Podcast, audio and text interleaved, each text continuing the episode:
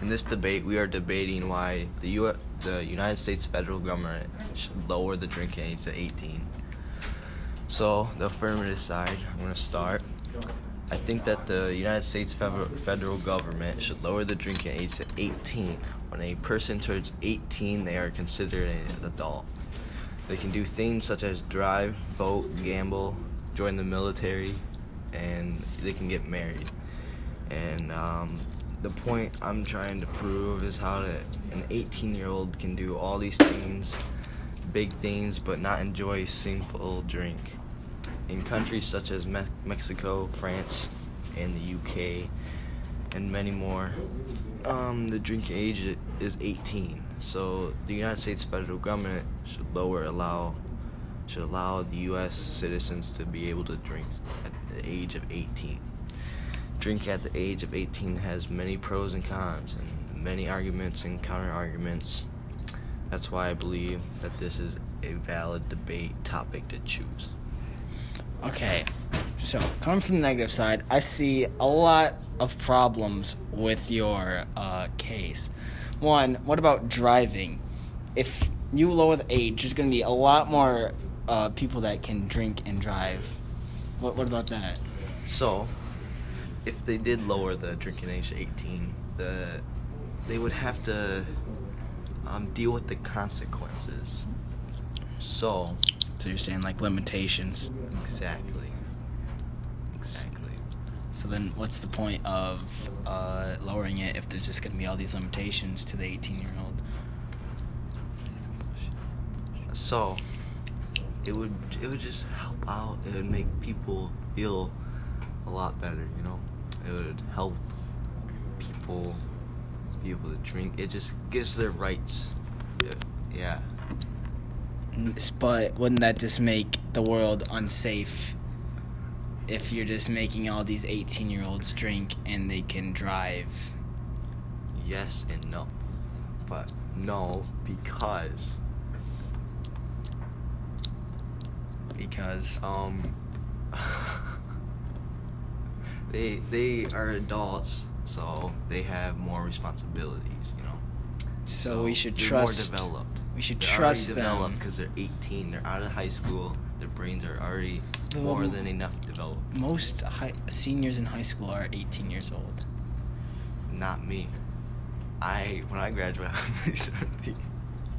So, but listen, listen. They they already they have common sense already because they're 18, they're adult, they can get married, they can go to the military, you know, they can do all this stuff. Okay, time's up, time's up for that. Now I will present the negative case.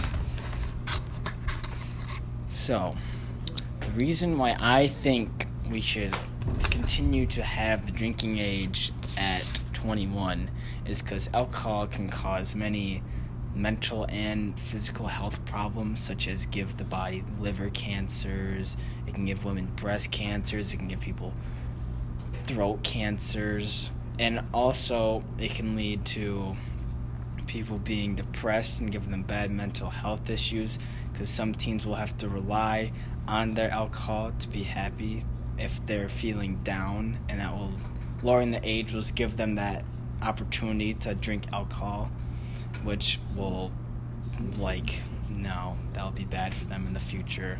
And drinking at such a young age if people start to binge drink later on they'll get all these cancers which will not be good to our future society.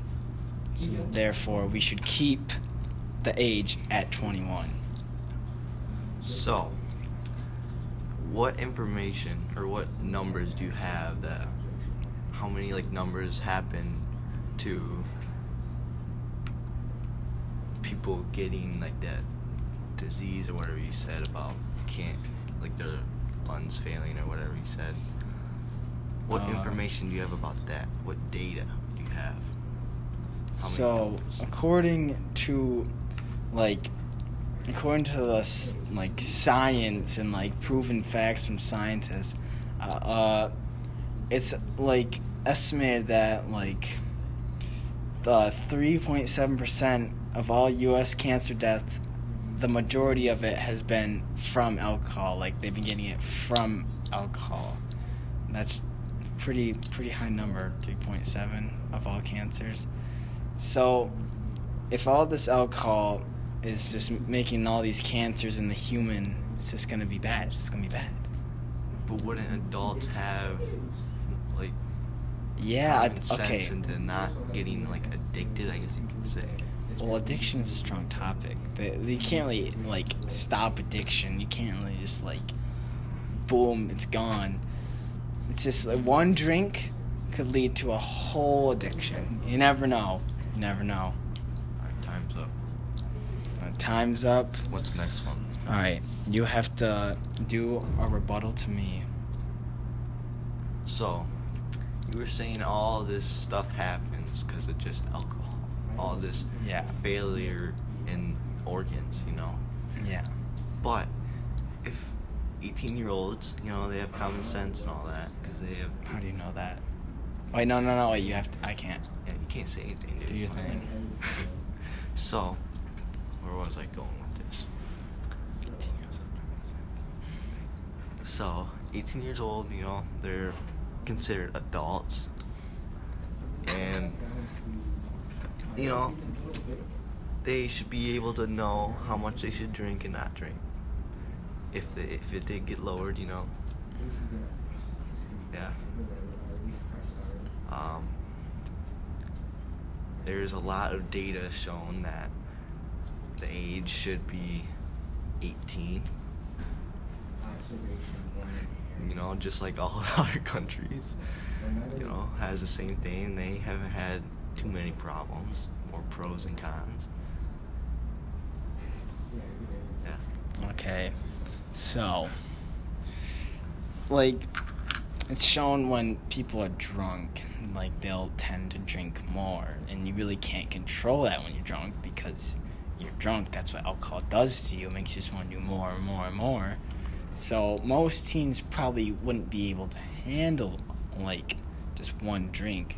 And plus, at the age of 18, most teenagers are partying and doing all these other activities with drinking. So, you can't really rely on this like saying that they're adults and they should have common sense because most 18 year olds are like not as mature as a 20 a 21 year old because yeah they're still in high school so it's better to have the drinking age being 21 because you know that they're more mature like they're the most mature they can be to drink. You can trust them more than an 18 year old because an 18 year old is still a teenager and still needs to be supervised while drinking because you could you don't know what they could do under the consumption of alcohol.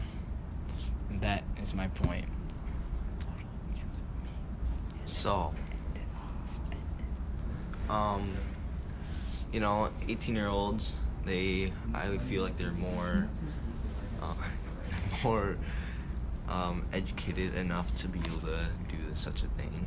And the crime level would obviously go down because, you know, a lot of people, data has shown a lot of young minors, I guess you can say, have either done crimes such as possessed uh, alcohol beverages. Um, they have stole alcohol beverages, etc. There's a lot of data on that. But my point is, they it should just get lowered because the crime levels there would be less people in juvie, prison, whatever. It would just overall help out the United States. and that is the end of our argument for united states federal government should lower the drinking age to 18